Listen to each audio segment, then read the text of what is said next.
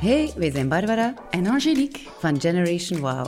In seizoen 3 van onze podcastreeks met als thema Wow Money Talks praten we met financiële experten over hun money mindset en met welke aspecten je rekening dient te houden wanneer je wil groeien. In deze tweede Wow Money Talks aflevering praat onze Generation Wow-redacteur Fien met Katrien van de Water. Als business mentor tovert ze de grenzen van jouw bedrijf om in mogelijkheden en nieuwe perspectieven. Als geen ander speelt Katrien met de principes van het high-end business model, zodat jij joy, ease en abundance ervaart.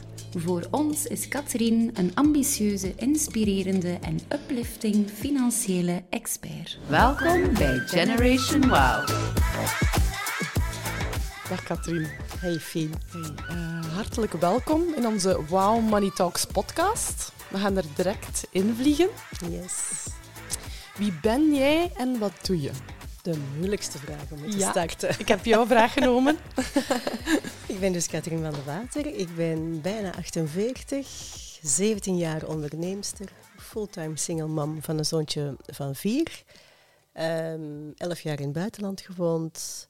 Ik ben momenteel high-end business mentor sinds 2019 en ik ben host van de podcast Miljonairsvrouwen. Money mindset, dat wordt omschreven als de opsomming van iemands opvattingen over geld. En hoe zou je jouw money mindset omschrijven? Momenteel is die joy, ease en abundance. En heb ik deze zomer, het is, het is nog vakantie nu we deze opname doen, heb ik echt zo gevoeld van, dat, heeft, dat is echt embodied. Wij waren op vakantie in Mexico en ik voelde van, ja, die joy, ease en abundance zit in alles. Ik, ik was daar en ik stond op, er was ook tijdsverschillen tussen Mexico en België, en ik kreeg een aanmelding van een nieuwe klant. Ik bedoel, mijn trajecten zijn niet goedkoop, dus dat gaat ineens over heel veel geld. Ik was ook heel blij dat ik die vrouw mag begeleiden, want ik volg haar al een tijdje. En ik heb dat gevierd met mijn familie. We zijn uit eten gegaan en we waren echt in een prachtig hotel uh, aan de kust. Ik bedoel, alles kon. En ook hoe dat ik die vakantie vier. Ik ben, ja, nu is mijn zoontje naar een kamp, maar ik spendeer heel veel tijd met hem. En we hebben al fantastische dingen gedaan. Dus joy, ease en abundance is dat nu. Um, maar dat is heel anders geweest. Ja. Ik ben daar niet mee geboren. Nee. Wat waren de uitdagingen daarbij?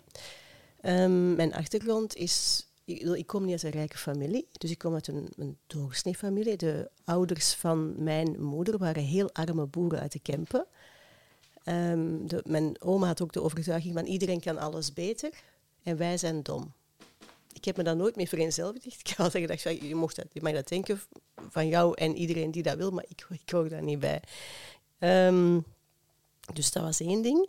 Um, en dan ben ik ondernemerscursussen gaan volgen in, in mijn dertiger jaren. En toen kwam ik er toch wel achter dat mijn money mindset wel heel beperkend was. Want ik had de overtuiging dat rijke mensen louche of oppervlakkig waren. En ik dacht ook, ja, als ik nu echt superrijk word, dat ik nu superrijk ben, maar wel meer dan gemiddeld, ja, dan ga ik nooit aan een man geraken, want een man wil geen rijke vrouw. Dat waren mijn onbewuste overtuigingen op geld. Ik woonde op dat moment op het eilandje. En in die tijd was er achter mijn appartement Strandwerpen, waar het uh, hele rijke mensen naartoe kwamen. Daar stonden de Jaguars en de Ferraris en de Porsches. En ik ben af en toe daartussen gaan zitten gewoon om te wennen aan rijke mensen. Want bedoel, in mijn omgeving waren die niet. En, en zo ben ik daar stilaan aan gaan werken om te gaan onderzoeken van is dat nu waar? Zijn rijke mensen nu allemaal louche en oppervlakkig? En dat klopt niet. Mm. Er zijn er heel veel andere. Dus je hebt die uh, beperkende gedachten kunnen omvormen. Zo van, er zijn er niet meer loos en oppervlakkig dan niet-rijke mensen. Hmm. Komt dat nog soms eens naar boven? Nee. Hmm. Wat zie je als de meest voorkomende uitdagingen bij vrouwen in business? Over money mindset. Dat ze veel te beperkend denken. Zichzelf veel te klein maken. Niet geloven dat dat ook voor hen kan. Um, ja, dat vooral. Zo van, ja, dat kan misschien voor iemand anders, maar voor mij kan dat niet. Het zichzelf bijna, het gaat echt over eigenlijk, eigenlijk gaat het niet over het geld, het gaat over eigenliefde. Het zichzelf gunnen, dat ze, dat ze joy, ease en abundance mogen leven. Zie je ook verschillen tussen mannen en vrouwen in die money mindset? durf me daar niet heel erg expliciet over uitspreken, want de meeste van mijn klanten zijn vrouwen. Mannen zijn welkom. Maar bedoel, als je de quote leest, een Nederlands tijdschrift voor miljonairs, daar staan bijna allemaal mannen in. Dus ik denk dat mannen daar, daar rapper mee naar buiten komen. Daarom dat ik ook mijn podcast Taboe doorbrekende podcast noem. Hè, miljonairse vrouwen, vrouwelijke miljonairs. Omdat ik voel dat er bij vrouwen toch echt nog veel meer een taboe op zit. Mm ja, meer blokkades. Mm De schaamte bijna. Mm Op jouw 45ste werd je uh, miljonairsvrouw. Wat is dat nu precies? Eh, hoe omschrijf je miljonairsvrouw? Ik heb een eigen definitie gemaakt. Hè. Mijn definitie is um, vrouwen die een privévermogen hebben met assets die binnen de zes maanden verzilverd kunnen worden en die dan 1 miljoen waard zijn, los van de eigen woning. Mhm. Dat is een definitie die ik zelf gekozen heb. Waarom? Het gaat niet over omzet van een miljoen, want dat zegt niks. Um, ja, de eigen woning. Je kan in een, heel, in een heel groot huis wonen, maar daarom geen geld hebben om joy, ease en abundance te ervaren. Want als alles in je woning zit, ja, dan, dan blijft er niks over. Dus, dus een vermogen los van datgene waarin je woont. Dus in die assets kan er nog vastgoed zitten, maar niet je eigen woning. Ja, ja.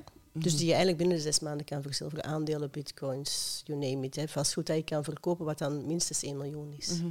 Hoe ben jij miljonair geworden? Heb je dat ehm, actief nagestreefd? Nee. Nee. En dat is ook het grappige. Eigenlijk wist ik het helemaal niet. En ik ben nu recent een traject gestart met uh, een van mijn podcast-dames, die financiële coach is. En een van de eerste oefeningen was: breng alles wat je hebt in kaart. En ik ben veel meer dan miljonair. Maar ik wist het dus niet. Ja, we zijn dat echt eens in kaart gaan brengen. Toen dacht ik: jeetje. Ik ben daar nooit aan zich mee bezig geweest. Uh, mijn doel, waar ik wel mee bezig was, was hoe kan ik energie krijgen van mijn werk. En dat was mijn belangrijkste drijfveer. Ik wilde ook wel slim ondernemen. Dus ik dacht wel, ik wil dat hier op de best mogelijke manier doen.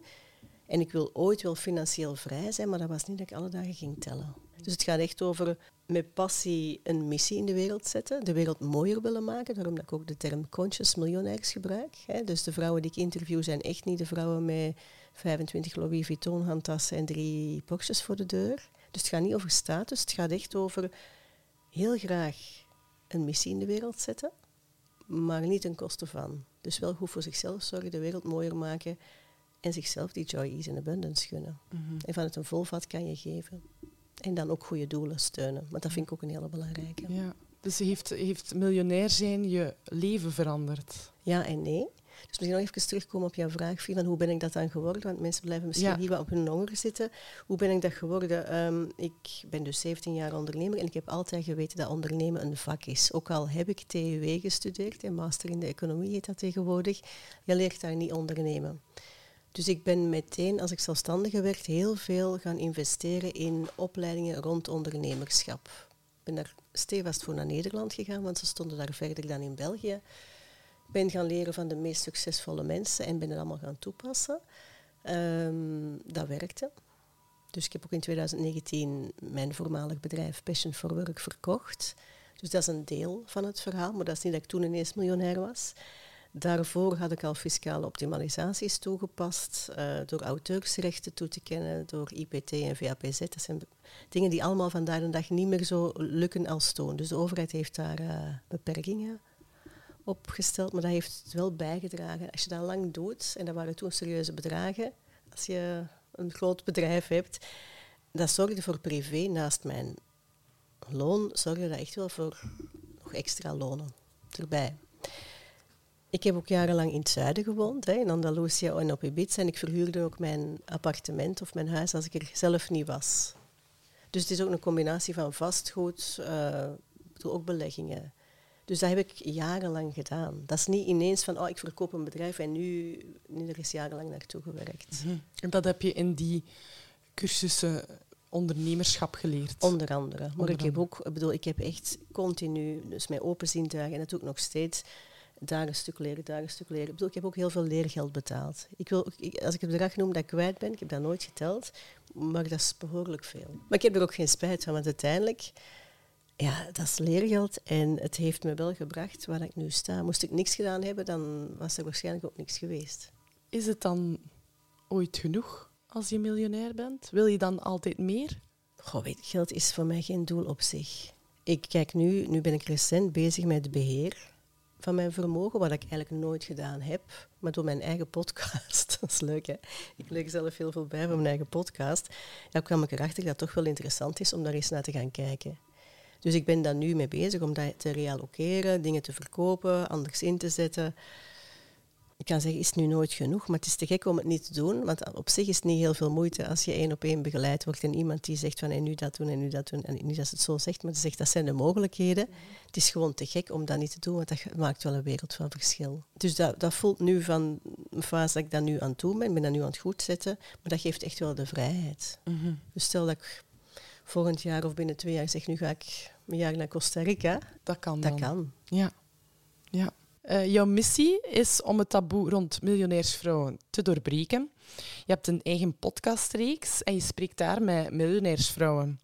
Wanneer heb je dat taboe eigenlijk voor het eerst ervaren?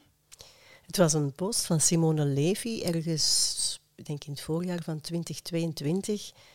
Ik lag toen in mijn bed. Dat zijn zo van die memorabele momenten die je nooit vergeet. Hè. Ik weet nog waar ik was toen dat de Twin Towers... eh, hè. ik weet nog dat moment, maar ik weet ook nog dat moment van die, van die post van Simone Levy, een Nederlandse bekende businesscoach, waarin zij schreef dat zij vrouwelijke miljonair was, maar dat zij geen enkele andere vrouwelijke miljonair kende. En toen dacht ik, hoe bestaat dit? Dit kan toch niet? Zij heeft een supergroot netwerk. En toen, toen ineens dacht ik, maar Simone weet dat van mij ook niet. Wij kennen elkaar, niet dat we elkaar goed kennen, maar we kennen elkaar wel. Eh, en ik wist het amper van mezelf. En ik had wel een, een kennis en, en zij was ook miljonair. En wij spraken daar wel over, maar dan moest de deur dicht zijn en gingen we vooral heel stil fluisteren, want niemand mocht dat weten, omdat daar ook schaamte op zat. En die post heeft bij mij wel dingen in beweging gezet van, maar hoe belachelijk is dit eigenlijk? Dat er zoveel zijn en dat we het niet weten, dat we er ook niet meer naar buiten komen en dat daar schaamte op zit. Kun je die schaamte omschrijven? Waar ben je beschaamd over? Goh, dat was zo van... Eigenlijk is dat biologisch volgens mij. In de zin van, we willen allemaal bij de groep horen. En we willen bij de kudde horen. En vroeger, in, in heel lang geleden, hadden wij de groep ook nodig om te overleven. Hè? En volgens mij is dat, is, zit dat daar ergens, ik weet het niet. Ehm, ook angst voor kritiek, van om arrogant hè, gevonden te worden, om, om alleen te... Want bedoel, als er dan toch zogezegd geen zijn en je gaat je uit, hè, ja, dan sta je wel alleen. Hè? Dus ik denk dat dat er voor een groot stuk wel bij zit. Mhm. Angst ja, om uit de groep te vallen. Ergens. Ja, en dan merk ik ook bij de vrouwen die ik spreek, die vinden het soms toch wel spannend, want hun omgeving weet dat niet altijd. En ik doe dan ook altijd opvolging achteraf om te horen van ja, maar wat heeft die uitzending nu teweeggebracht? En is er veel kritiek gekomen? Er is zijn alleen maar unaniem positieve reacties en, en het verrijkt hun leven immens. Dus soms moet je ze een beetje overtuigen. Nee, ik ga, doen. ik ga niet overtuigen, ik bedoel, want ik ga... een- dus zij moeten voelen dat ze, er- dat ze er klaar voor zijn. Zij benaderen mij zelf ook meestal. Ja. Dus, eh, maar, maar het is fijn om te voelen dat als er dingen zijn waar je je voor schaamt of, of die spannend zijn, als je die naar buiten brengt, hoe bevrijdend dat dat is. Ik heb dat eerder ook ervaren met de woorden bore-out, burn-out. Dat lijken nu heel alledaagse woorden, maar twintig jaar geleden sprak nog niemand erover. Hoogbegaafd werd niet benoemd, HSP werd niet benoemd. Zelfdoding van mijn moeder heb ik ook naar buiten gebracht, wat in het begin een spannend gegeven was. Mijn eh, single mom zijn, dat waren toch allemaal dingen die in het begin vrij oncomfortabel voelden om over te spreken. Mhm. Maar ik voelde door het feit van kleur te bekennen, ja, ging er een hele wereld open. Mhm. Kracht van de kwetsbaarheid. Absoluut. Mhm. Ja. Dus je had het al over fiscale begeleiding die je nu ontvangt. Wat heb jij geleerd van jouw interviews op miljonairsvrouwen? Het ehm, allerbelangrijkste wat ik niet zelf had verwacht, is dat ik het miljonairsvrouwen zijn ben gaan embodyen. En dat had ik niet verwacht. Ik weet nog heel goed, hè, toen Lisbeth Imbo mij voorstelde om hè, geïnterviewd te worden op jullie vorige event, zei ze van, ja, miljonairsvrouw Katrien van der Water. En vroeger zou ik echt door de grond gegaan hebben. En nu voelde dat helemaal, ja, that's me. Een tweede is, ja, het zijn waanzinnig eh, boeiende gesprekken. Zelfs als ik nog maar twee jaar te leven had, zou ik het nog blijven doen. Het voelt ook echt als mijn legacy. Ehm, echt mijn bijdrage aan de wereld om die verhalen naar buiten te brengen. Het leert mij ook dat ik het ontzettend fijn vind om te doen. Dus dat dan toch ook wel een talent is, wat ik niet wist. Ja, je bent in de flow. Yes. Eh, wat kunnen de vrouwen van Generation Wow leren van de podcast? Dat gaat, eh, ze zeggen ook heel vaak, ja, jouw podcast gaat helemaal niet over geld. Gaat over, eigenlijk gaat het over liefde. Ik ben ook heel vaak ontroerd in de gesprekken, omdat zo... Geld is een, zit weinig emotie op, maar die verhalen... Ook, het zijn geen gespreide bedjes. Die verhalen van die vrouwen, Isa bijvoorbeeld, ja, zij is als kind wees geworden. Ik bedoel, echt heftige dingen. Ehm, Kim de Graven heeft in armoede geleefd. Ehm Anne Goris heeft haar dochtertje verloren. Dus het zijn echt van die menselijke verhalen. En van vrouwen die dan toch de moed hebben gehad om iets te maken van hun leven. En, en ja, die de, zelf, de eigenwaarde ook hadden. En hun zelfliefde groot genoeg vonden om, om een mooiste leven te creëren. En dat is iets wat ik elke vrouw gun. Dus ik denk dat dat mogelijk zal aansluiten bij de doelgroep van Generation Wow. Absoluut, ja. En ook laten zien dat het dus kan. En dat er heel veel wegen naar Rome zijn. Ja, Want elke vrouw heeft een ander pad bewandeld. absoluut, ja. Heel mooi. Dus je helpt ondernemers, mannen en vrouwen, met de omzet van eh, plus 150k. Die verlangen naar, zoals je al zei, joy, abundance en ease. Dat klinkt een beetje paradoxaal. eh, is, zijn dat kwaliteiten die samenkomen met eh, miljonair zijn? Dat kan, maar dat hoeft niet. Je hoeft niet te wachten op joy, ease en abundance om... Of je hoeft niet te wachten op miljonair zijn om die dingen te ervaren. Ik merk wel dat ze het gewoon heel veel makkelijker maken. Mhm. Heel veel dingen zijn op te lossen met geld. Mhm. Want onze, onze beperkende gedachte is dat met eh, meer geld meer zorgen komen. Maar dat ervaar je niet. Nee, Nee. helemaal niet. Ik was vorige week op kamp met mijn zoontje. Er waren heel veel mensen met een uitkering.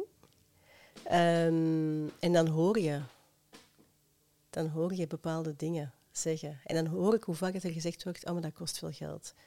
Mijn zoontje heeft daar per ongeluk een gsm van een ander jongetje op de grond gegooid. Dat ding was kapot. Ik bedoel, franchise is 300 euro. Dus ik heb nu met die moeder afgesproken, ja, ik betaal, ik betaal dat wel. Ehm, ik bedoel, ik hoef daar... Bedoel, dat is voor mij niet een, een, een dagloon, bij wijze, of een daguitkering. Of hoe moet je het... Ik bedoel, ik hoef niet vanavond daardoor minder op restaurant te gaan of iets te laten.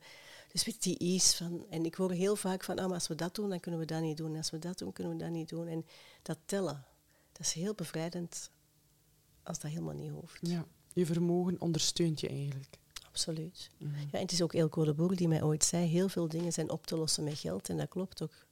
Maar eens nadenken voor de problemen die je hebt. Ook mijn kinderwens. Ik bedoel, ik was single. Eh, ik had een hele grote kinderwens. Allerlei medische trajecten gedaan in België en in Denemarken en in Nederland. En dat werkt allemaal niet. En toen zeiden ze in België, ja, u bent uitbehandeld. Dat was oké. Maar nee, bestaat niet. Nee, nee staat niet in mijn woordenboek als ik echt iets wil. Dus ik ben naar een Spaanse privékliniek gegaan. Dat kost wel geld. Dus dat schept wel mogelijkheden. En ik hoor soms vrouwen die single zijn en die ook rond de 40 zijn en kinderwens hebben.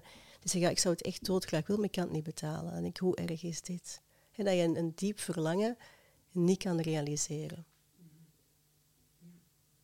En ik, ja, ik heb ook coaching op heel veel vlakken.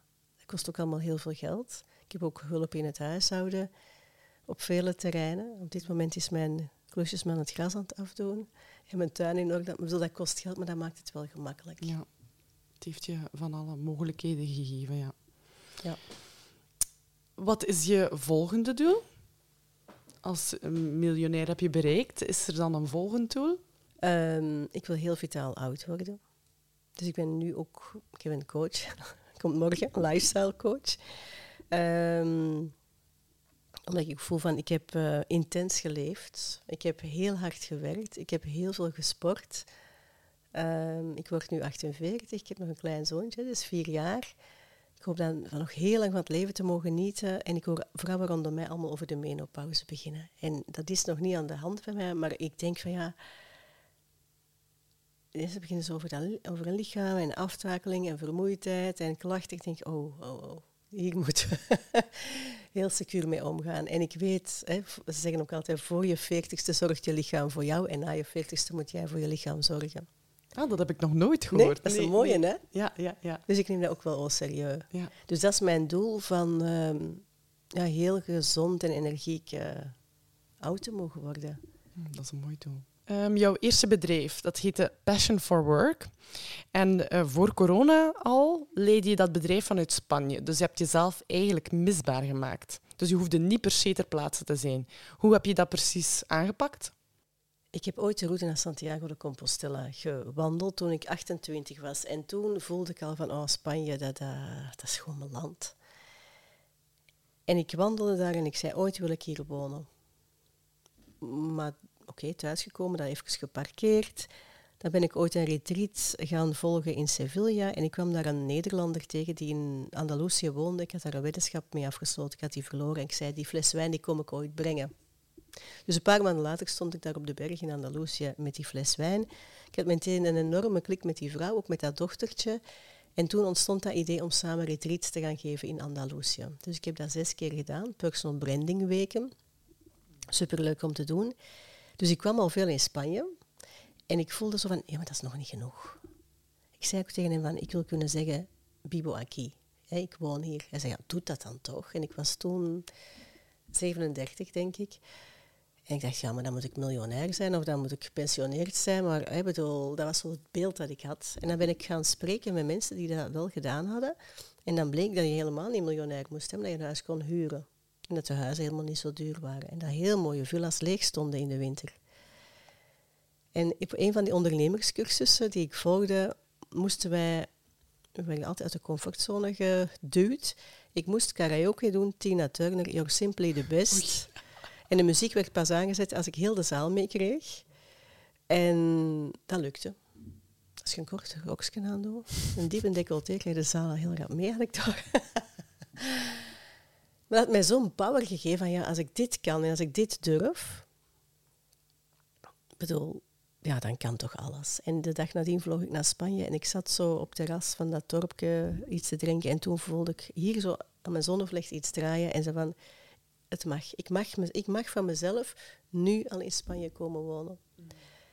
En dan ben ik op zoek gegaan naar een, naar een huis. En dan bleek dat er heel veel huizen leeg staan. En dat mensen blij zijn dat die bewoond zijn in de winter. Dus ik woon in een prachtig huis. En ik had al wel de maanden daarvoor de oefening gemaakt van alles wat er in mijn hoofd zat in processen te gieten. Zodanig dat ik dat niet moest doen. En dat proces heeft wel acht maanden geduurd. En dan ben ik freelancers gaan zoeken die de coaching konden doen, want ik was loopbaancoach. Um, en dan is mijn rol veranderd, want als ik in Spanje was, was ik, ja, ik was de manager van die coaches en ik zorgde voor de, voor de marketing. En dat was ja, social media post maken, contacten met de pers, artikels schrijven, maar dat kon, interviews met de radio, maar dat kon allemaal online. Dus ik heb daar een, ik woonde echt in de middle of nowhere, in een, een prachtig natuurgebied tussen de olijfbomen. En het eerste wat ik gedaan heb, is daar internet laten leggen, want dat was er niet. Oei. Dus dat was wel een noodzaak, maar, mhm. maar dat lukte. Ja, en dan videocalls voordat het al Ik heb alle aanwervingen in was. online gedaan. Ik heb nooit een, een live sollicitatiegesprek gedaan. Ja. En ik vloog dan af en toe wel terug voor teammeetings. Kun je nog een paar uh, voorbeelden geven van die processen die je geautomatiseerd hebt? Uh... Ja, eigenlijk is dat alles wat in een hoofd zit als, als, als ondernemer van van dat op te schrijven. En alles wat meer dan één keer gebeurt, van dat te automatiseren. Dus als je meer dan één keer eenzelfde mailtje moet sturen naar een klant, ja, maak, zet dat in een template. Mm Zodanig dat ook al die coaches... Ik had ook een methode ontwikkeld, maar er was een draaiboek bij. Ja. Dus alles wat ik zou uitleggen als iemand naast mij zou zitten, heb ik allemaal opgeschreven. Dus dat was een immens werk, maar het heeft wel geloond, ook zeker bij de overname. Ja. Want het was de kortste overname ooit geweest, volgens mijn overnameadviseur. Het was drie weken. En het was geklonken? Ik bedoel, het proces heeft negen maanden geduurd, maar tussen de handtekening... Ik, ben nog drie, ik, ben op, ik heb op 1 april 2019 getekend. Mm Negen maanden daarvoor wel een telefoon gekregen van ben je geïnteresseerd in een overname. Dus dat proces heeft negen maanden geduurd. Exacte termijn van mijn zwangerschap was dat. Want ik mhm. was toen net zwanger. Ik kreeg trouwens telefoon van een potentiële overnemer toen ik in een, um, Alicante in die privékliniek um, zat nog te ontbijten met zicht op de golfbaan. De dag van de embryo-implanting. dus dat was ongelooflijk qua timing. Heel dat proces heeft negen maanden geduurd. En dan wilden ze nog dat ik een aantal jaren zou blijven. Maar ik had zoiets, ja, het is klaar. En ik wilde ook heel veel tijd met mijn zoontje doorbrengen. Want ik hoorde iedereen zeggen van het gaat zo snel. Ik dacht, ja, als iedereen dat zegt, zal dat wel zo zijn. Dus ik wil dat eerste jaar er echt wel intens van genieten. heb ik ook gedaan. Dus ik zei van nee, alles, je hebt mij niet nodig. Mijn bedrijf heeft mij ook niet nodig. Ehm, en dat is drie weken, is die overdracht gebeurd. En dat is eh, heel goed gegaan. Dus de opportuniteit om je bedrijf over te laten is gewoon op je pad gekomen eigenlijk. Je bent niet gaan rentenieren. Dus er volgde een volgend business idee, Passion for Business.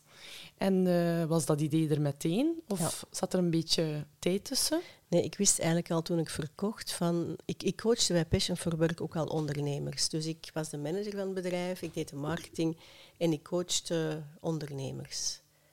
En dat vond ik heel leuk.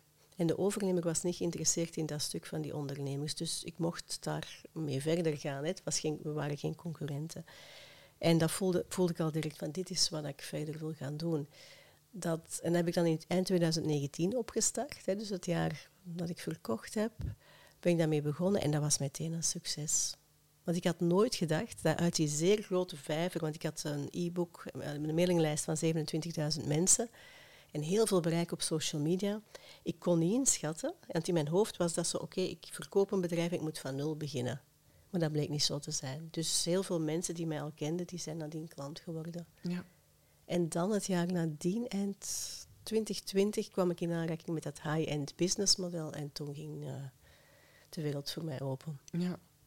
Dus het, het, de ene business heb je losgekoppeld van je persoon, maar Passion for Business hangt eigenlijk sterk aan je persoonlijkheid vast. Ja.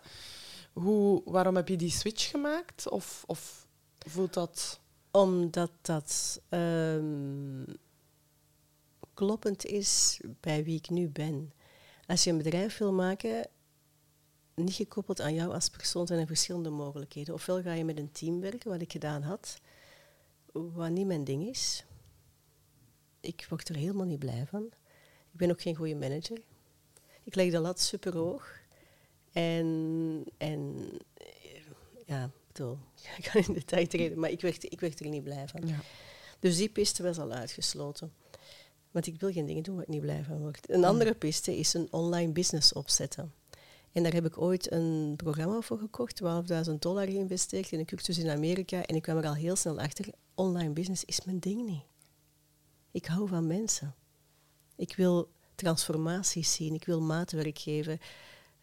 Ik wil mijn klanten kunnen knuffelen. Ik bedoel, ik hou van op mooie plekken komen, met mijn klanten experiences hebben.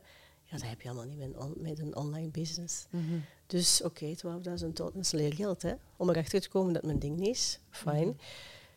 En dan kwam ik bij de high-end business model uit, waar dat je gaat richten op de bovenkant van de markt en met een beperkt aantal klanten mhm.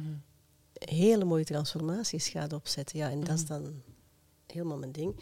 En ik weet dat ik het nooit kan verkopen, maar dat hoeft ook helemaal niet. Mm. Dus, dus alles wat je nu doet, is allemaal offline?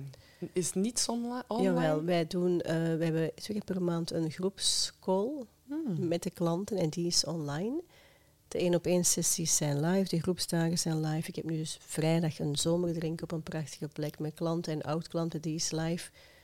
Dus het is uh, grotendeels live. Behalve dan de online Q&A om de twee weken. En ook WhatsApp-support, dus ze kunnen mij ook elk moment mhm. contacteren. Ja.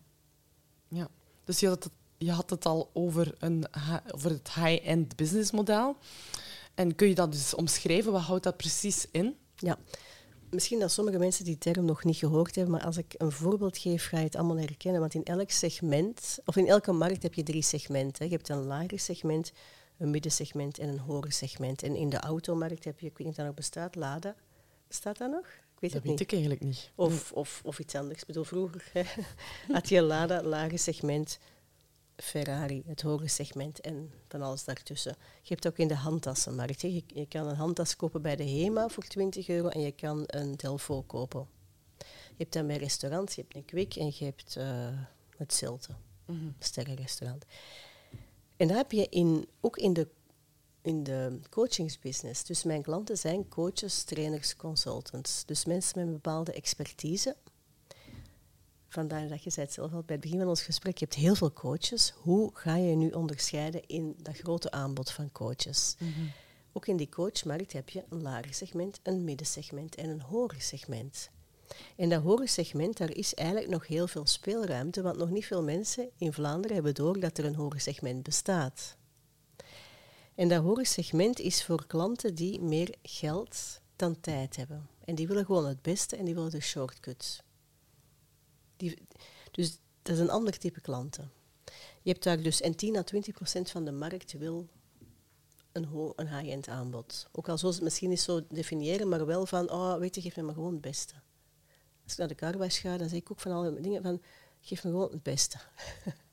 dat wil ook niet zeggen dat je, als je bijvoorbeeld bij de carwash het beste wil, dat ik op alle terreinen in mijn leven overal het duurste koop. Want dat denken mensen soms, maar dat is niet. De pampers van mijn zoon kwamen van de Lidl. dus het heeft allemaal met waarde te maken. Maar wat vind jij belangrijk en waar ben je bereid wel geld aan uit te geven? Maar dat kan dus ook zo in de coachingsbusiness. En zo komen we dan bij het high-end business model. Mhm. Wat zijn daar de voordelen van? De voordelen is, zijn dat je geen volle agenda hebt. Want vroeger in mijn loopbaanbegeleidingstijd had ik vijf à zes klanten per dag. Bandwerk wordt op den duur. Je wordt daar gewoon knettermoe van. Hoe, hoe, graag dat je het ook doet, want ik deed dat heel graag, maar na een tijd, bedoel, ik geloof niet dat je dat jarenlang met dezelfde intensiteit kan doen. Als je echt full present wil zijn. Dus, uh, dus ik heb nu één klant per week, een middag, in Sanctuary Botaniek. Rijd ik daar naartoe, mijn klant komt daar naartoe en that's it. Dus ik heb heel veel tijd voor mijn eigen... Eén klant per week? Eén klant per week. En dan nog de online Q&A om de mhm. twee weken. Mhm. Dus ik heb gewoon tijd voor, om te sporten, tijd uh, om te schrijven, tijd om naar Gent te komen voor de podcast. Ja, ja. Um, ik ben continu aan het bijleren. Ik heb ook tijd voor mijn klanten. Dus als er een WhatsApp binnenkomt, dan heeft die klant binnen de 24 uur antwoord van mij. En als ik voel van ik moet even bellen, want hier is meer nodig dan simpel een WhatsAppje terug, dan maak ik daar tijd voor. En soms is dat een uur. Meestal niet, maar als dat een uur is, dan mag dat een uur zijn. Mhm. En als dat de volgende week opnieuw zo is, dan is dat zo. Dus ik tel niet in aantal uren. Ja. Voor mij is mijn commitment als iemand klant wordt, is van oké, we go all the way. En wat, wat er ook nodig is, dat doen we dat. Mhm. Mhm. Is het voor iedere ondernemer die je begeleidt dan de, het juiste businessmodel? Nu, de mensen die bij mij komen zijn al aangesproken door de high-end business model. Maar wat is high-end? Bedoel, je kunt zeggen, ja, 10.000 euro voor een traject is high-end, of 20 of 50 of 100. Er zijn nog gradaties in. Er zijn ook mensen die bij mij komen die voelen van, wow, het is toch pittiger dan ik dacht, want het is topsport. Het vraagt ontzettend veel van je zo te profileren. Er zijn ook mensen die naast een high-end aanbod er nog iets anders gaan naastzetten. Een low-end of een mid-end kan. Ik doe dat zelf niet, maar dat gebeurt. Dus het verandert hun leven sowieso. Ze gaan heel anders kijken.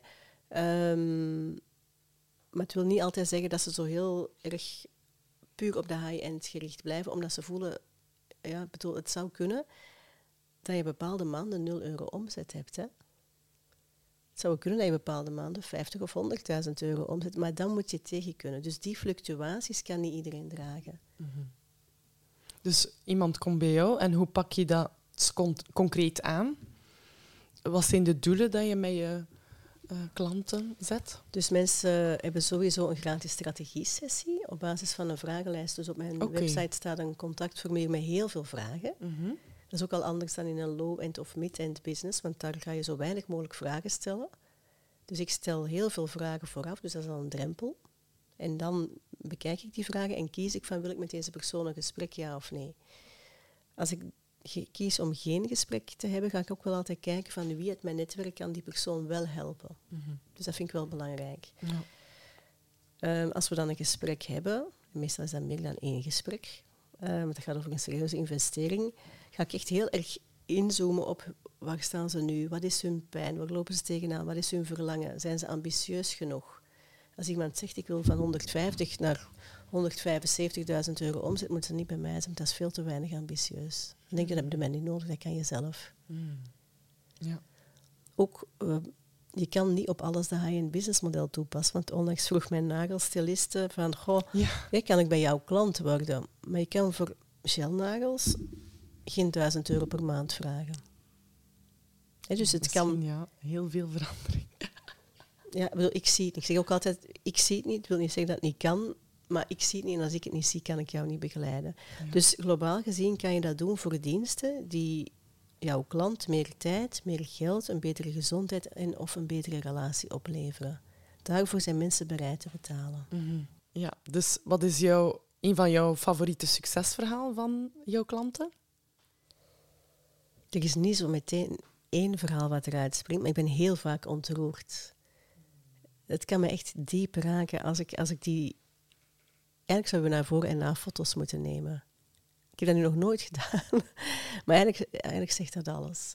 Dus ze gaan veel bewuster leven, veel meer zelfzorg. Ehm, vaak gaan ze ook fotoshoots doen met stylisten, met maquillage, dingen die ze vaak nog nooit gedaan hebben. Dat doet al iets. Ik geef ook alle namen door. Ook van mijn stylisten. Ook van, van, ik bedoel, ik houd niks achter voor mijn klant. Ik vertel hoe ik het doe. Ze worden uitgenodigd in podcast. Ehm, hun omzet stijgt. Ze zeggen, we hebben tijd om te sporten. We hebben tijd voor ons gezin.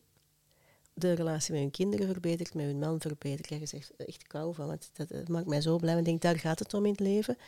Ooit zei iemand, en zij is ooit nog oud-collega geweest bij mij bij SD Works. Dus we waren allebei in loondienst. Zij is zelfstandig geworden, ik ook. En ze zei, op 13 jaar dat ik zelfstandig ben, heb ik nog nooit zo'n hoge omzet gehad en nog nooit zoveel tijd voor mezelf. En nu ook voor mijn moeder, die ouder wordt. Ja, bedoel, dan denk ik, dan hebben we echt iets heel moois gedaan. Ja, heel mooi. Wat moeten eh, mensen bereid zijn om te investeren als ze jou als mentor willen? Er is heel veel hè, zo mysterie rond. Hè, van hoeveel kost dat dan? Nu, ik eh, deel dat met plezier in podcast, want dat mysterie, mysterie hoeft niet. Er is tussenkomst van de KMO-portefeuille voor mensen in Vlaanderen. En de investering is 50.000 euro. We Mhm. kunnen dat spreiden over twee jaar, want het is een jaar, maar bedoel, hè, dus in twee Ja, stukken kappen. ja. En met de tussenkomst van de KMO-portefeuille betaal je uiteindelijk 35.000 euro. Oké. Ik heb ook Een nog goede een- korting? ik heb nog een 100.000 euro programma. En dat is voor mensen die echt zeggen van kijk, ik heb een heel succesvol bedrijf, ik wil een overname gaan doen en dan wil ik nadien een high-end business gaan opstarten. Mooi. Die ook nog vaak in het buitenland willen wonen. Dus, dat- die, dus eigenlijk die al mijn expertise willen, maar die is breder dan, Ja. dan enkel een high-end business opzetten. Maar dat staat niet op de website. Dat is, Nee, eh. Dat is eh, selectief. ja. Ehm, dus je leert consultants en ondernemers hoe ze hun omzet kunnen verhogen. Dus hoe, welke tools gebruik je daarvoor? Ehm, omzet verhogen kan op verschillende manieren. Mhm. En het is heel belangrijk om te gaan voelen van ja, wat is een manier die bij mij past. Zoals ik net zei, dat kan via online programma's, kan via een massabedrijf. Hè, dat je zegt van ik ga voor duizenden klanten, word je daar blij van, moet je dat vooral doen. De mensen die bij mij komen, leer ik om een prijsverhoging te gaan doen. En niet zomaar eh 100 euro erbij, maar echt zeer veel meer erbij. Eh, drie jaar geleden was mijn eigen prijs nog eh, 2019, nee, dat is, hè, vier jaar geleden bijna, 5000 euro. Nu is dat 50.000. Nu, dat is niet zomaar een nulletje erbij zetten en that's it. Dus dat gaat over nieuwe competenties leren. Gaan kijken van hoe kan ik nu met minimale inspanningen maximaal resultaat geven aan mijn klant. Dus dat heel de tijd voor ogen houden. En zo ben ik ook continu aan het, aan het fine-tunen en aan het kijken van wat werkt wel, wat werkt niet. Wat. Het is een complex spel tussen enerzijds competenties, dus weten hoe dat je dat moet doen, dat is 20%, maar 80% is energie en mindset. Wie dien jij te zijn om een prijs te kunnen vragen van 50.000 euro? Mhm. Die embodiment. Dat embodiment en eigenlijk alles, eigenlijk ben je dat vaker, want dat zit al in jou, maar loslaten wat jou niet meer dient om die persoon te zijn. En dat is... Er komen heel veel dingen bij kijken. Mhm. Dus dat is bijna half psychologenwerk, terwijl ik geen psycholoog ben. Hè. Ja. Maar, eh, Ja. dus het is, het is een, complex, een complexe dans tussen die strategie en dan al dat energetische. Mhm. Mhm. Misschien iets heel raars, wat ik ook klanten leer, maar dat is wel typisch van... ehm, je ziet iedereen op social media en, en dat is fantastisch. Ik bedoel, dat werkt ook. Maar ik zeg het ook tegen klanten van... Nodig mensen maar uit in jouw veld. We hebben allemaal een veld rondom ons. En dat we daar bewust van worden, dat we dat veld hebben. En dat we ook echt de intentie kunnen zetten van laat de juiste mensen maar naar ons komen.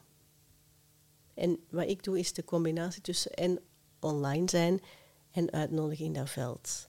Ik kan er een heel mooi voorbeeld van vertellen. Het was vorig jaar, eind december, en ik maak elk jaar mijn strategisch energetisch plan op. Dus wat wil ik dit jaar bereiken? Het is trouwens gratis te krijgen, zo'n tool daarvoor, toolkit daarvoor uh, op mijn website. Dan kunnen mensen dat downloaden. En ik had nog, denk ik, 50 of 70.000 euro omzet nodig en het was half december. Dus ik had, en we gingen op vakantie met de familie, dus ik kon niet echt veel werken. Ik ben echt zo gaan zitten en oh, laat de juiste mensen naar mij toe komen. En het grappige was, ik kreeg een berichtje via LinkedIn van iemand die ik twintig jaar geleden ontmoet had. Zij uh, had jaren in Amerika gewoond. We waren elkaar een beetje uit het oog verloren. En ze zei, ik ben met Mindfully naar Parijs geweest. We moesten een meditatie doen en jouw naam kwam door. Ik moet jou contacteren en zij is klant geworden. Dus ik wil maar zeggen van, hoe ik krijg daar weer kippenvel van, hoe, hoe, hoe, hoe fantastisch dat dat kan werken. En dat onderschatten we vaak. Ja. Ja, dus in jou, je praat veel over omzet. Is het ook, is, ligt daar de focus of, of focus je je ook op het verhogen van de winst van jouw klanten? Weet je, door het feit dat je een heel simpel businessmodel gaat hebben. Bedoel, ik werk zelf met tien klanten per jaar. Uh, ik heb alleen maar een VA. Ik heb geen advertenties. Ik had vroeger in mijn vorig bedrijf 10.000 euro marketingkosten per maand. En een heel team van een, grafisch vormgever en uh, advertentiekosten en uh, marketeers die, dat dan, die advertentie, dat is allemaal niet meer. Dus het is gewoon super simpel, want je hebt niet veel klanten nodig. Dus dat maakt ook dat je veel minder kosten hebt. Ja. Mijn grootste kosten zijn nu de investering in mezelf, maar dat neem ik altijd mee. Dus ik hoef mijn bedrijf niet meer te verkopen, want aan zich zit de waarde, er zit zeker een stuk in mijn bedrijf, maar dat is niet mijn, mijn waarde zit in mezelf. Mhm. En dat is een grote switch met het, uh, met het vorige bedrijf. Ja, ja. Uh, hoe definieer jij een uh, financieel gezond of een winstgevend bedrijf? Ik denk dat we. Het is een heel atypisch antwoord volgens mij, maar ik denk dat je mag gaan kijken naar de CEO, naar de zaakvoerder. Is hij of zij gezond? Want de energie van een persoon gaat eerst en een business volgt. Dus niet altijd die focus op die cijfers. Dat zeg ik ook tegen mijn klanten. De eerste vraag die ik wekelijks alleen stel in een accountability document is welk cijfer geef je je energieniveau? Want dat is cruciaal. Dus er ligt veel te veel focus bij ondernemers op dat geld. Laten we focussen op, op onszelf, op hoe voelen wij ons. En als we ons goed in ons vel voelen, dan komt toch alles veel makkelijker. Dan alles vanzelf. Dan komt het moeiteloos naar ons toe. Dus ik ga zeggen, eerst en vooral hoe gezond is de CEO. En uiteraard, ik ben een TW'er, dus ik kijk ook naar cijfers. Ik kijk naar, naar omzet is één ding, maar winstmarge is een ander ding. En hoe is dat bedrijf georganiseerd? En hoe, hoeveel processen zitten daarin? En hoe gemakkelijk, hoe, ja, welke ondersteuning is er? Daar kijk ik allemaal naar. Ja. Dus dat, dat gebruik jij als graadmeter voor Passion for Business? Absoluut. Ja. ja. Welke financiële valkuilen zien ondernemers vaak over het hoofd en hoe kunnen ze die vermijden? Ik hoor veel mensen zeggen van ah, ik heb het geld niet, dus ik ga het niet doen. En dat begrijp ik, maar je kan je ook afvragen hoeveel kost het je als je het niet doet. Hmm. En ik heb voor mezelf zoiets van, uh, want ik heb zelf jarenlang uh, high-end business mentoren gehad, waar ik heel veel geld aan betaald heb, met heel veel plezier trouwens. Mm. Ehm, ja, als ik, als ik zelf een investering deed van 50.000 euro, dan had ik zoiets, oké, maar dan gaan we dat binnen no time terugverdienen. En tussen mijn ja, toen mijn vorige business coach, tussen de ja en de eerste sessie had ik al direct 70.000 euro omzet. Mm Dus, ik bedoel, ga de challenge met jezelf aan. En ga denken in mogelijkheden. Er zijn altijd mogelijkheden. Ja. En als je het gewoon niet op de bank hebt staan? Ik bedoel, word creatief. Ik bedoel, we zijn toch ondernemers. Ik bedoel, ofwel verkoop je je handtas, ofwel uh, uh, verhuur je je huis. Of, uh, bedoel, we hebben allemaal een, een vak, een kennis. Uh, ga rondkijken, hoe kan je het anders gaan inzetten? Mhm. Maar mensen zijn vaak te beperkend. Ja. En er zit zoveel creativiteit in ons die, die niet wordt aangesproken. We leren dat ook niet op school. Hè? Nee. We maken een spelletje van, oh, ik ga een spelletje, ik ga zo rap mogelijk zoveel verdienen. Ja. ja, ik onthoud, er zijn altijd mogelijkheden. Absoluut. Fijn dat je die onthoudt. Ja. Ik heb een paar rapid fire questions. Dus dat zijn antwoorden van één woord of een zin, dus korte antwoorden. Um, welke ondernemers zijn een inspiratie voor jou? Uh, Merel Kriegsman. Wat is jouw favoriete boek of, en of podcast over finance? Kim de Graven heeft een hele goede podcast over finance. Heb je zelf een uh, coach of mentor? Absoluut, heel veel. Ja, op verschillende vlakken dan. Ja. ja. Naar welke business mentor kijk jij op? Ik heb veel geleerd van Suzanne van Schaik, van uh, Nienke van der Lek. Uh, kijk ik naar hen op. Goh, dat klinkt zo hè, afstand. Wij zijn vriendinnen, wij, wij, spreken ook privé af. Dus, maar ik heb heel veel van hen geleerd. Ik heb heel veel respect voor wat ze hebben neergezet. Het is, dus um, Merel Kriesman heeft ook... Waarom haal ik haar aan? Zij leeft... Um, in Canada. Ze is ooit ze is muzikant geweest, ooit heel arm geweest. Zij leeft nu op een boerderij die zelfvoorzienend is en heeft heel veel uh, aandacht voor de aarde. Ze heeft nog, denk drie of vier kleine kinderen. Maar zo dat investeren in bossen, uh, dat ecologische, vind ik gewoon heel mooi aan haar verhaal. Ja, een hoger doel. Ja. Mm -hmm. En intussen is ze ook miljonair. Mm. Wat is de beste money tip die je ooit hebt gekregen? Ik zou zeggen, investeren in jezelf blijven investeren. heb ik ook gedaan na mijn burn-out. Ik had op dat moment niet veel geld meer. Ik had meer dan een jaar niet gewerkt. En ik dacht, ik moet het wel... Als ik het in mezelf stop, ja, bedoel, dan kan er van alles gaan gebeuren. Dus... En dat bleek ook zo te zijn, want dat is het begin geweest van Passion for Work. Heel mooi. Dat waren al mijn vragen. Bedankt, Katrien van de Water, om hier in Gent met ons uh, over geld te praten. Dank je wel. Voor deze Generation Wow podcastreeks werkten we samen met ons fijn team. Thibaut Veru deed de productie en Alice Gernaert de eindredactie. Deze podcastreeks werd mede mogelijk gemaakt met de steun van Belfius.